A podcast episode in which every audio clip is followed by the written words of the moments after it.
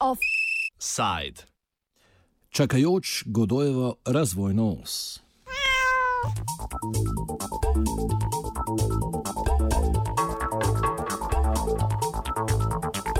ساق الخري إلى من جرك وخ الخري إلى من ترك Permanentna predsedniška kampanja je Boruta Pahorja ta vikend pripeljala na Koroško. Izkotel se je v jutranjih urah odpravil na pohod preko Raven na Koroškem, Preval in Mežice do Črne na Koroškem, kjer je Stino Maze in županjo Roman, Romano Lesjak v športnem duhu otvoril prenovljen atletski stadion. Predsedniku je pohod in PR gotovo dobro del. Korošci pa bi si verjetno bolj kot lekcije o zdravem duhu, zdravem telesu želeli rešitev za svoje dotrajano cestno omrežje. Ali je Pahor raje pešačil cel dan, kot da bi med vožnjo izkusil akutno problematiko tretje razvojne osi? Odločitev prepuščam vam, cenjeno poslušalstvo. ساق الخري إلى من جرك وخ الخري إلى من ترك Sarkazem na stran. Za izgradnjo hitre ceste v okviru tretje razvojne osi si prebivalci Koroške in njihovi predstavniki aktivno prizadevajo že zadnjih 11 let. Po besedah Aljaža Vrhovnika, predsednika mladinske inicijative za tretjo os, je bila potreba po njej izražena že dosti prej.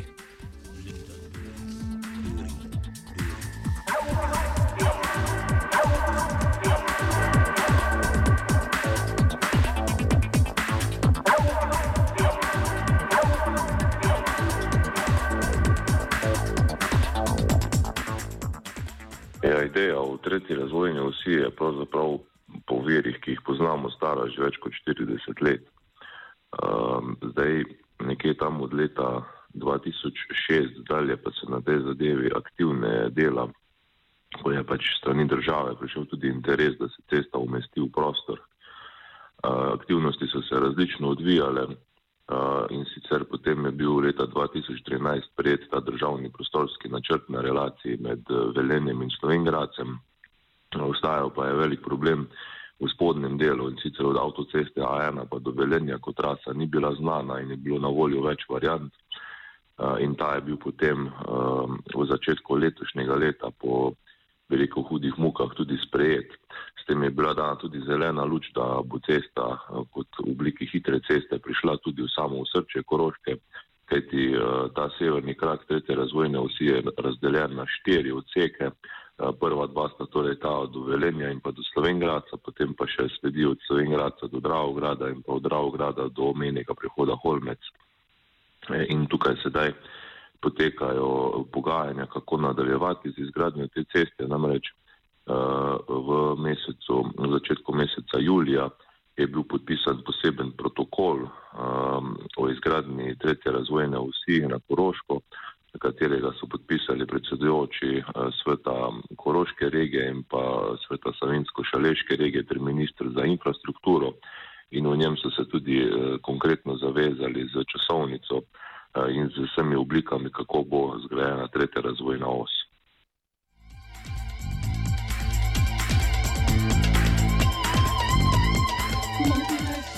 Da je do premikov, pa čeprav zaenkrat zgolj na birokratski ravni naposled le prišlo, so gotovo pripomogla prizadevanja mladinske inicijative, ki je med drugim objavila svojo študijo socialnih in ekonomskih vidikov nujnosti izgradnje zmogljivejšega cestnega omrežja. Ta študija zajema dejansko devet vidikov, ki jih je mladinska inicijativa za tretjo razvojno os predstavila in ki dokazujejo, da je nujna izgradnja te hitre ceste. To so uradno pridobljeni statistični podatki, ki so bili obdelani in recenzirani. Neko dodano vrednost temu pa so dale te karikature, ki jih je narisal Ciril Horjak, priznani striper, ki pač nekako pritegne pozornost bralca, hkrati pa opozarjajo na resnost teh podatkov, ki so tam zbrani. In to je recimo, da je se skoraj četrtina mladega prebivalstva od leta 1991 na Koroškem izselila in se ne vrača več v regijo. To je en zgovoren podatek. Potem so tukaj tudi podatki, da Koroška recimo skupaj z Savinsko-Šaleško regijo veliko več prispeva v državni proračun, bi rekel, gospodarstvo. gospodarskega vidika, kot pa nazaj pridobimo v vlaganje naše infrastrukture. Potem je tudi ta recimo časovni razmak prikazan, koliko potrebuje prebivalec raven na Koroškem, da prepotuje do Ljubljane in sicer je primerjava z železnico in pa po trenutni cesti in sicer hkrati je pa podobna razdalja do Nove Gorice, ker pa hitro cesto imajo. Ne? In je seveda ta čas iz Ljubljane do Nove Gorice polovico krajši kot pa do naših krajev. Tukaj je potem še obdelan uh, ekonomski vidik, uh, pa tudi ta, um, bi rekel, strateški vidik teh evropsk, paneuropskih koridorjev smo obdelali v tem, uh, tako da v bistvu te podatki nazorno prikažejo, uh, kakšno je stanje. Morda pa je najbolj zaskrbljujoč ta podatek, da se je na tej regionalni cesti G1-4, ki je zdaj pač edina cesta, ki nas povezuje do Ljubljane, zgodilo kar 74 odstotkov več prometnih nesreč, kot pa se jih je zgodilo na enaki razdalji na avtocesti med Tepanjem in Trojanami. In to je tisti najbolj zgovoren podatek, kajti ta cesta G1-4 je bila v zadnjih 20 letih označena kot najbolj smrtonosna cesta v Sloveniji, saj se je tam zgodilo največ prometnih nesreč s smrtnim izidom. Leta 2015 je vlada sprejela odločitev za izgradnjo odseka med Štajersko avtocesto in Slovengradcem. Vrhovnik pa izpostavi pomankljivosti obstoječega dogovora, predvsem o izgradnji severnega odseka hitre ceste od Dravograda do mejnega prehoda Holmec. Vlada Mira Cererja je takrat, ko je izvedla prvi obisk eh, na terenu, to je bilo marca 2015, je bilo to na Prevaljah na Koroškem je obljubila, da se bo v njihovem mandatu pričela izgradnja odseka med avtocesto A1 in pa Slovengradcem.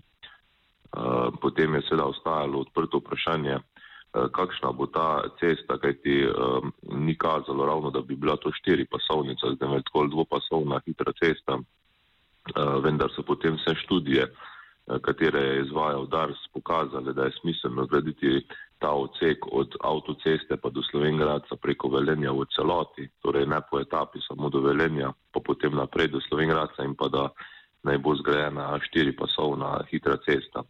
Seveda pa to za korošce še vedno ne pomeni celovite rešitve, kajti ravne na koroškem, eh, ki se nahaja na tistem četrtem pododseku eh, severnega kraka, so dejansko gospodarsko središče koroške regije, tam se večinoma ljudi vozi v službo, Eh, tam se nahajajo vsa pomembnejša podjetja eh, na Koroškem in seveda ta eh, nujno potrebujejo tudi dostop do hitre ceste. To pa bi tudi pomenilo razbremenitev lokalnih prometnic, ki so zdaj v tem trenutku s tovornjaki precej obremenjeni. Ocenjeni stroški gradnje tretje razvojne osi se po trenutnih izračunih gibljajo med 600 in 800 milijonov evrov. Ovira čim prejšnjemu začetku gradnje pa so tudi pravila Eurostata o obravnavi državnega dolga v primeru, da bi bil DARS edini investitor.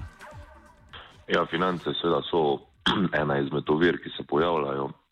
Kljub temu pa verjamemo, da bi država to zmogla zgraditi, kajti eh, DARS uh, ima precej dobro kreditno sposobnost, hkrati se bojo sedaj v tem obdobju iztekajo posojila, ki jih plačuje za gradnjo drugih odsekov po Sloveniji, torej bo lahko bolj zadihal uh, in morda najel nova posojila, eh, hkrati je Dars do sedaj eh, vsa svoje dolgove, vse svoje dolgove poravnaval iz cestnin, eh, seveda pa je zato pač potreboval poroštvo države. Situacija se je nekoliko bolj zapletla zaradi Eurostata, ki pač sedaj ne dopušča, da bi država sto odstotno jamčila za najeta posojila tega podjetja. Ker na končni fazi, ne glede na to, da je to gospodarska družba, gre pa še vseeno za nek prevesek države, tako to tretira Evropska unija. Uh, in zaradi tega se njim zdi to sporno in je potrebno tisti preostanek drugih 50 odstotkov sredstev zagotoviti iz drugih verov, ki pa so na voljo. Na to je večkrat uh, opozorila Evropska komisarka Violeta Bulc, da se ta sredstva lahko pridobijo iz evropskih verov vendar mora biti v Sloveniji za to narejeni vsi postopki eh, in pridobljeno gradbeno dovoljenje eh, za tisti del, ki se pač želi graditi in za katerega se želi zaprositi. In mi zdaj v tem trenutku gradbenega dovoljenja še nimamo, imamo zgolj umeščeno v prostor traso med Čentrupertom in Slovengradcem. Imamo zdaj zamrznjen ta državni prostorski načrt med Slovengradcem in Holmicem, kjer se zdaj pogovarjamo, da bi se ponovno odprl in se dokončal, kjer je leta 2013 obstal. In uh, potem je potrebno še na podlagi državnih uh, prostorskih načrtov odkupiti zemlišča, uh, izplačati očkodnine tistim ljudem, pač, kjer so objekti na tej trasi in uh, pripeljati torej, so projektno dokumentacijo do te točke, da se lahko pridobi gradbeno dovoljenje in potem se lahko tudi konkretno zaprosi za ta sredstva. Pred letom dni smo tudi na Radiu Student poročali o civilni inicijativi Braslovče, ki je nasprotovala gradnji južnega odseka osi po trasi od Šentruperta do Velenja, kjer naj bi po nepotrebnem uničila velik del kmetijskih, pa tudi stanovanskih površin. Predlagali so alternativno traso, ki bi tekla od Velenja do Arje vasi, pri čemer so imeli tudi podporo nekaterih sosednjih občin. Kakšno je stališče koroških občin, povzame vrhovnik. Svet Koroške regije obsega 12 občin. Eh, do sedaj je svet Koroške regije vedno enotno zauzemal vsa stališča v zvezi s tretjo razvojno osjo in to je, da nesporno podpira izgradnjo eh, tega odseka severnega kraka tretje razvojne osi na relaciji Holmec avtocesta A1, zdaj govorimo o relaciji Šentrupert, ker je tam že znano, kje bi bil priključek. Um, tako da tukaj ni, ni dileme in tudi občinski sveti občin Eh, na, ker tu so pa samo štiri občine, tiste, po katerih bi trasa potekala, eh, so tudi dajali soglasja. Tako da ne glede na to, če katerikoli predstavnik občine kdaj zastopa kakšno drugačno mnenje, je to zgolj njegovo osebno stališče, kajti eh, zavezujoča so mnenja občinskih svetov, ki pa so bila za to, da se cesta umesti v prostor na področju teh občin. Tako mladinska inicijativa, kot tudi drugi upleteni akteri pozdravljajo dejstvo, da so se postopki na državni ravni naposled začeli. Današnji offset bomo zaključili z vrhovnikovo prognozo in okvirno časovnico začetka del. Po njej sodeč bo lahko predsednik Pahor prišel na Koroško vsaj še na en predvolilni pohod, preden to neha biti vsaj malce tragikomično. Ja, jaz sem tako rekel, da sem nek zmerni optimist, kar se tega tiče. Dejstvo je, da nič tukaj ne moremo prepuščati na ključju, ampak da moramo kot inicijativa v bistvu delovati do, do zadnjega, dokler da bo ta cesta zgrajena. Zdaj po tej časovnici, ki jo je podal Dars in ki je tudi del tega protokola, ki je bil podpisan, je predviden pričetek gradnje odseka med Šentrupertem in Slovengradcem leta 2019.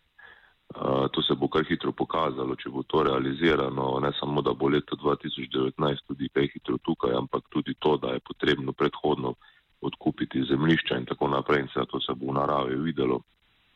Um, hkrati pa um, je potem predvidena izgradnja tega odseka do 2023 medtem ko bi se ne za odsek od eh, Slovenjgraca do Holmca zadeve še dve do tri leta naprej pomaknile, torej nekje 2026 ne bi bil pa tisti del uh, v skladu s protokolom uh, dokončan. Uh, zdaj smo ravno na Koroškem uh, uh, prenesli predsedovanje uh, svetu Koroške regije iz uh, občine Ravne na občino Radlje v Dravi. Uh, novi predsedujoči je tudi precej aktivno zagrabil to področje in si je tretjo razvojno os zadal kot prioriteto.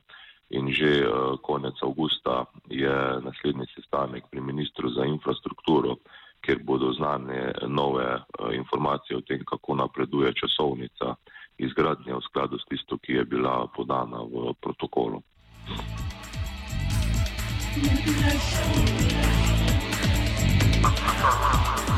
Thank you.